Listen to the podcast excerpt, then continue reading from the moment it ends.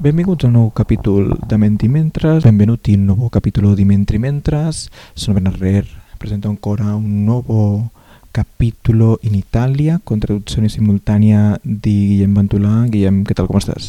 Buon dia, tutto perfetto.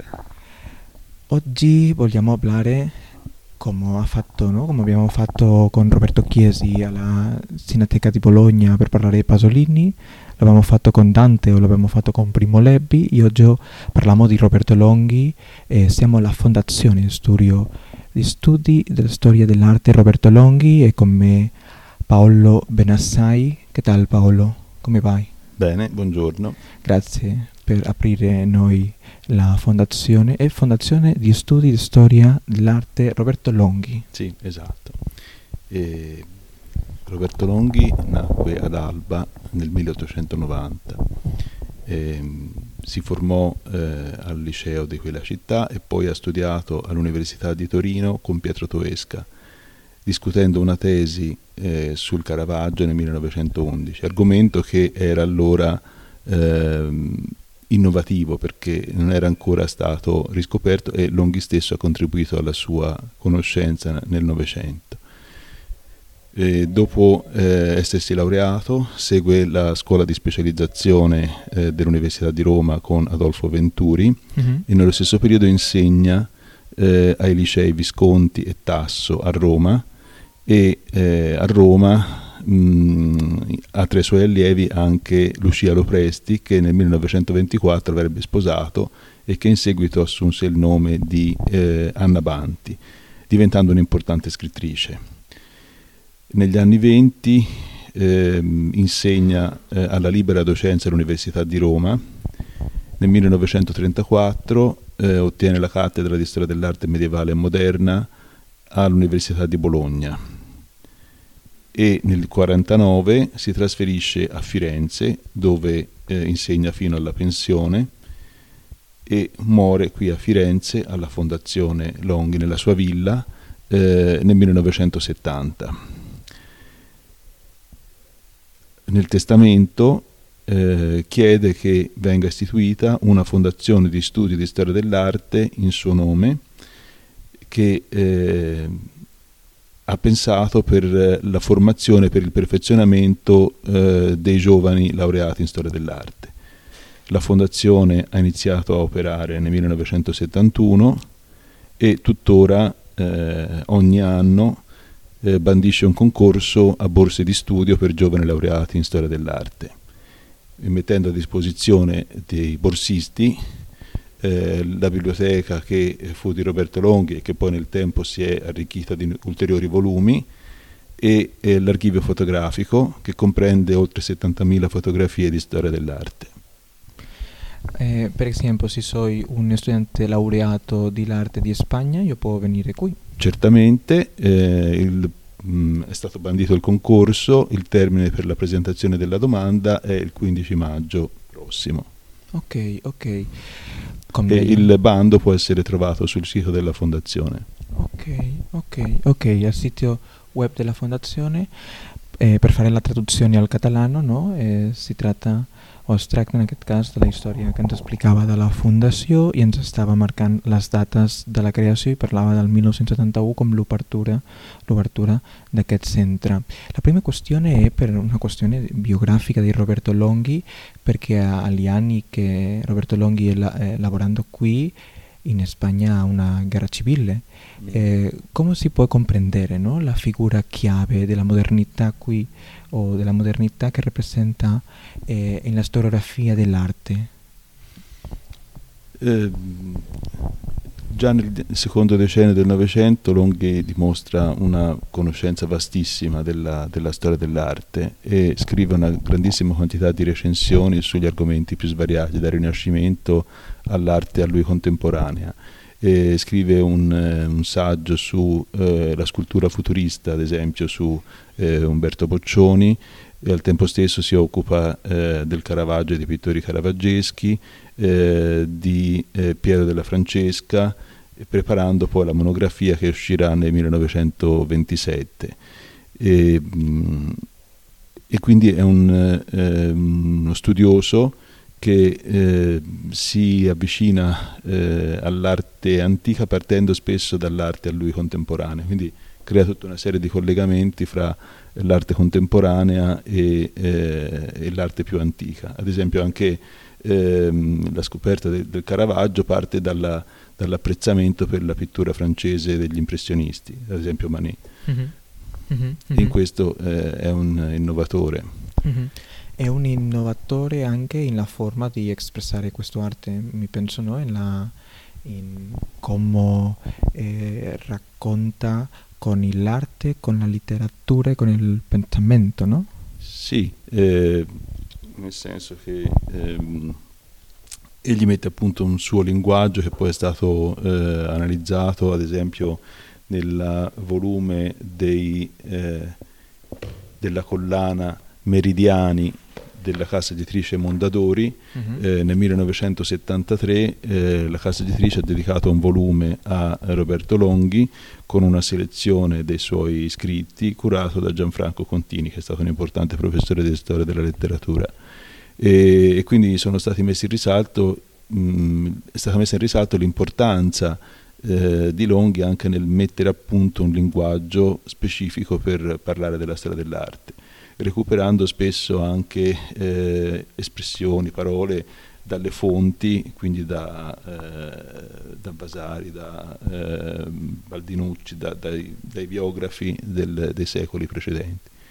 Claro, e per questa ragione è tan difficile fare una traduzione no, di Longhi? Sì, certo, perché immagino che i traduttori eh, che devono trasporre eh, il linguaggio di Longhi da, dall'italiano a un'altra lingua abbiano delle difficoltà.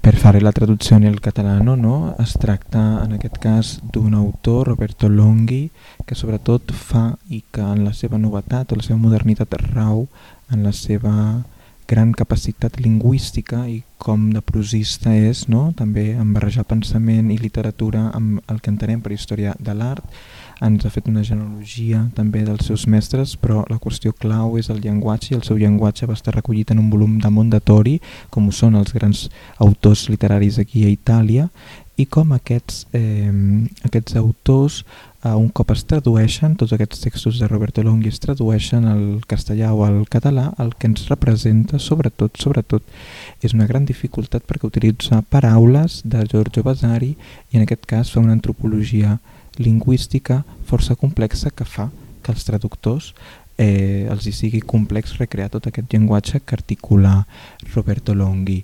Eh, prima qui a, a de, de l'editoriale Elba le due monografie Piero della Francesca e Caravaggio. Che sono? Che, come, si può spiegare che sono queste due monografie? Perché il traballo, no? il tra e molto anni lavorando con mm. questi due autori. Dunque, eh, sono due tra i principali argomenti studiati da, da Roberto Longhi.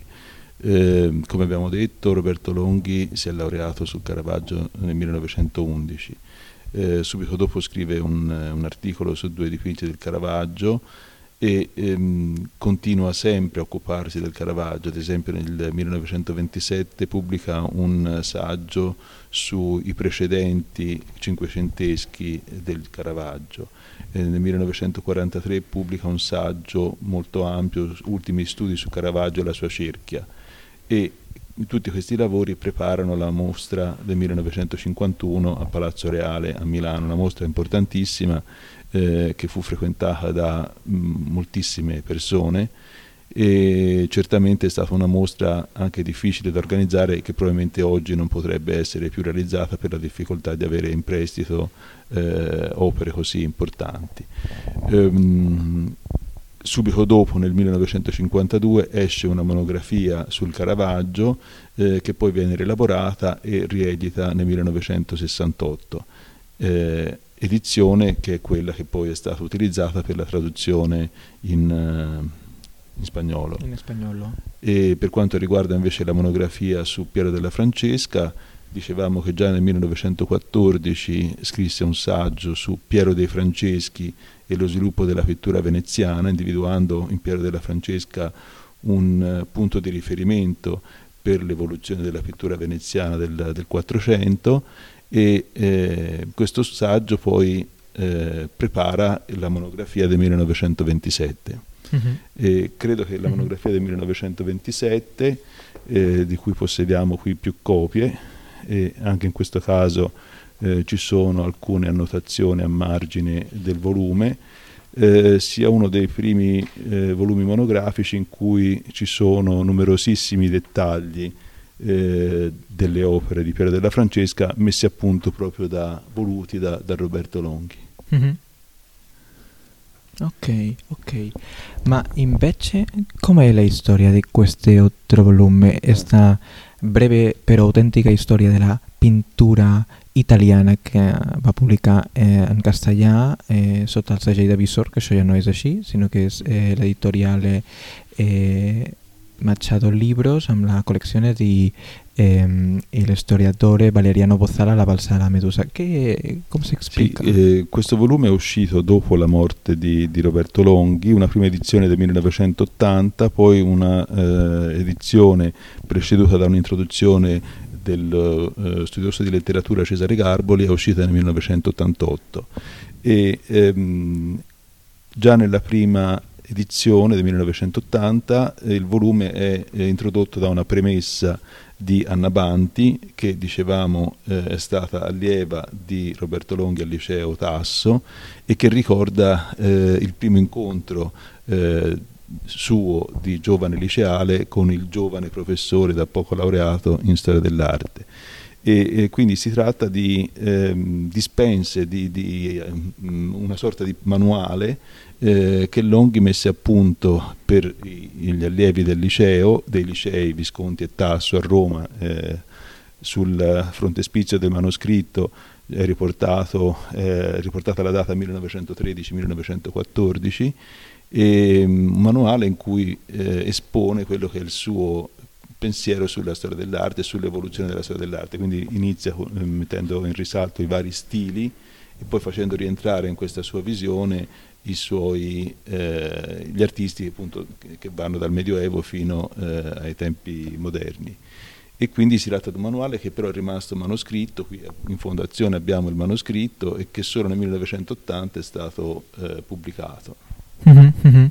Estàvem comparant la de Caravaggio i la de Piero de la Francesca de l'editorial Elba i la que va fer en el seu moment Visor quan tenia aquest segell de la breve però autèntica història que ens deia que és una publicació un cop Longhi és mort perquè és un text molt eh, primeríssim per no dir que és dels primers textos que escriu no sé si Guillem vols afegir alguna de les qüestions que ens han subratllat ara Bé, jo sobre el llibre dic que és interessant també com està estructurat no? al final els textos que el configuren um, per una forma més, primer, de la forma de la pintura italiana, cosa que pot generar un, interès així com general, i després sí que va en casos concrets de cada un dels autors més destacats de la pintura italiana. Doncs dic que és un llibre que per la seva estructura també pot, pot generar un interès uh, més enllà de, de, de l'interès um, historiogràfic de la de pintura italiana. Sí, això crec que li podem demanar, demanar al Paolo. Eh, la domanda può essere, no? Come la struttura di questo libro perché è un po' dif- differente dalle monografie. Mm. Eh, perché dunque, questo è proprio un manuale a uso dei licei claro. e quindi eh, cerca di seguire un, innanzitutto eh, la prima parte è quella delle idee, quindi crea una, eh, una visione d'insieme e poi dopo eh, traccia la, lo sviluppo della mh, pittura italiana dalla, dall'arte tardo-antica fino eh, a al Caravaggio. Mm-hmm. E, mm-hmm. quindi facendo rientrare poi i vari eh, periodi e i vari artisti in questa sua visione eh, d'insieme. Mm-hmm. È diverso il discorso della monografia, eh, nella quale invece si occupa di un artista soltanto e quindi eh, anche in questo caso però stabilisce tutta una serie di relazioni tra l'artista e il suo tempo e gli altri artisti a lui contemporanei. In spagnolo si può le leggere eh, in Elba eh, la monografia e in Visor questa edizione della breve opera autentica storia, ma Longhi ha fatto una rivista che è la sì. rivista eh, Paragone. Sì. Quanti numeri ha fatto della rivista ancora oggi? Dunque la rivista continua la rivista a uscire continua. anche ora fu fondata nel 1950 da Roberto Longhi e Anna Banti che abitavano già eh, a Firenze, eh, hanno comprato questa villa nel 1939 quando Longhi ancora insegnava a Bologna. E, eh, il titolo è stato scelto perché eh, lo scopo è quello di stabilire un paragone eh, fra eh, arti figurative e letteratura. Infatti escono alternati i numeri di arti figurative e letteratura. Ehm, Longhi si occupava della parte relativa alle arti figurative, Anna Banti della parte relativa all'architettura. Eh, qui abbiamo i primi numeri, il numero 1 eh, di arte e al tempo nel comitato di, di redazione c'erano eh, oltre a Roberto Longhi, altri professori universitari come Francesco Arcangeli, che eh, portò avanti la sua cattedra all'Università di Bologna, Ferdinando Bologna, Giuliano Briganti e Federico Zeri, che invece è rimasto sempre al margine dell'ambiente accademico. Per quanto riguarda invece il numero 2 della rivista, eh, cioè quindi il primo numero dedicato alla letteratura, oltre a Nabanti c'erano Attilio Bertolucci, Carlo Emilio Gadda, Piero Bigongiari e Adele Noferi, quindi personaggi di spicco della letteratura e eh, anche della, eh, dell'insegnamento universitario di letteratura, perché poi nel numero ci sono anche eh, articoli di Giuseppe De Roberti, Scarlo Bo, quindi anche docenti di storia della letteratura. Uh -huh. Com dèiem, també Longhi té una gran tasca, que és la d'haver creat una revista, que és la revista Paragone, i que la revista encara avui és, segueix viva, però que sempre tenia aquesta tensió entre autors de la literatura, autors del, vinculats a l'acadèmia artística, i que això anava minvant ja només eh, amb el canvi entre el primer i el segon número, no veiem? Uh -huh. També veiem aquesta divisió entre l'art figuratiu que ocupava Roberto Longhi dins la revista i l'arquitectura, que no és una disciplina que ell s'hi dediqués, però que també estava present constantment dins la rivista. Mm -hmm. eh, queste due opere no, in spagnolo sono le due grandi opere di Roberto Longhi, queste sono le grandi opere ancora oggi che le più le leggere, no? eh, per leggere o per mm. conoscere la, la, opera di Longhi? Sì, poi mh, mm, la bibliografia di Roberto Longhi è vastissima, mh, mm, c'è proprio un volume di bibliografia di Roberto Longhi e gli articoli sono veramente moltissimi. E tra le monografie, oltre a queste, eh, sono da citare ad esempio Officina Ferrarese del 1934, eh, Carlo Braccesco del 1943, eh, poi ancora eh, viatico per cinque secoli della pittura veneziana del 1946 mm-hmm. e poi ancora eh, nel 1937 aveva pubblicato un, una monografia su Carlo Carrà e ancora eh, nel 1945 organizza a Firenze una mostra su eh, Giorgio Morandi sia Carrà che Morandi furono legati da un rapporto di amicizia e con il rapporto con Carrà data già dagli anni 10, quello con Morandi dagli anni 30 del Novecento. Mm -hmm.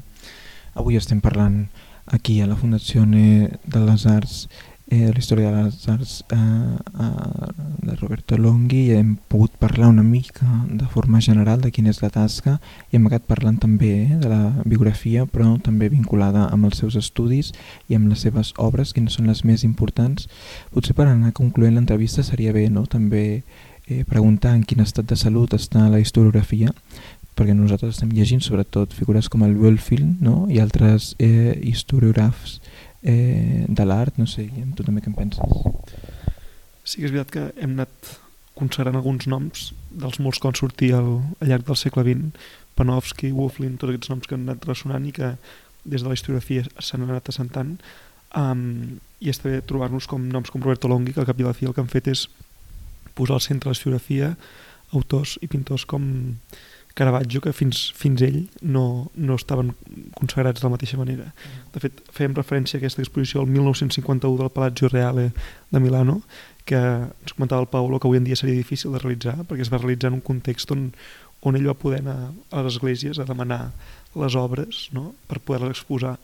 Um, llavors sí que és important recuperar aquestes figures que han posat al centre autors que avui en dia són, són capdals per entendre la, la història de l'art uh, i també està per veure quines noves veus emergents ens trobarem dins la historiografia que ens permetin recuperar altres pintors che potser avui en dia... Paolo, Paolo la domanda che facciamo è, è se un studente di Spagna no, dieci anni fa voleva leggere Roberto Longhi dieci anni fa era impossibile se non sapeva mm. italiano a, oggi che si può leggere in spagnolo può introdurre no? eh, Longhi con i nomi de, no? eh, Wolfin, Panofsky mm. e tutti altri mm. historiografos no? importanti per la storiografia dell'arte. Sì, è importante che appunto escano anche le traduzioni per far conoscere il ruolo eh, avuto da Longhi nella eh, far conoscere mh, tanti artisti e tante scuole eh, della, della, storia dell'arte. Mm-hmm. Roberto Longhi ha contribuito proprio a far conoscere eh, intere scuole, ad esempio eh, organizza una mostra sulla eh, pittura bolognese del Trecento, di cui già parlò eh, nel momento in cui iniziò ad insegnare eh, a Bologna nel 1934, mm-hmm. scuola che fino ad allora era stata pressoché trascurata. Mm-hmm. Così come appunto anche i caravaggeschi si conoscono meglio già dagli anni 10 proprio grazie a, a Roberto Longhi. Mm-hmm.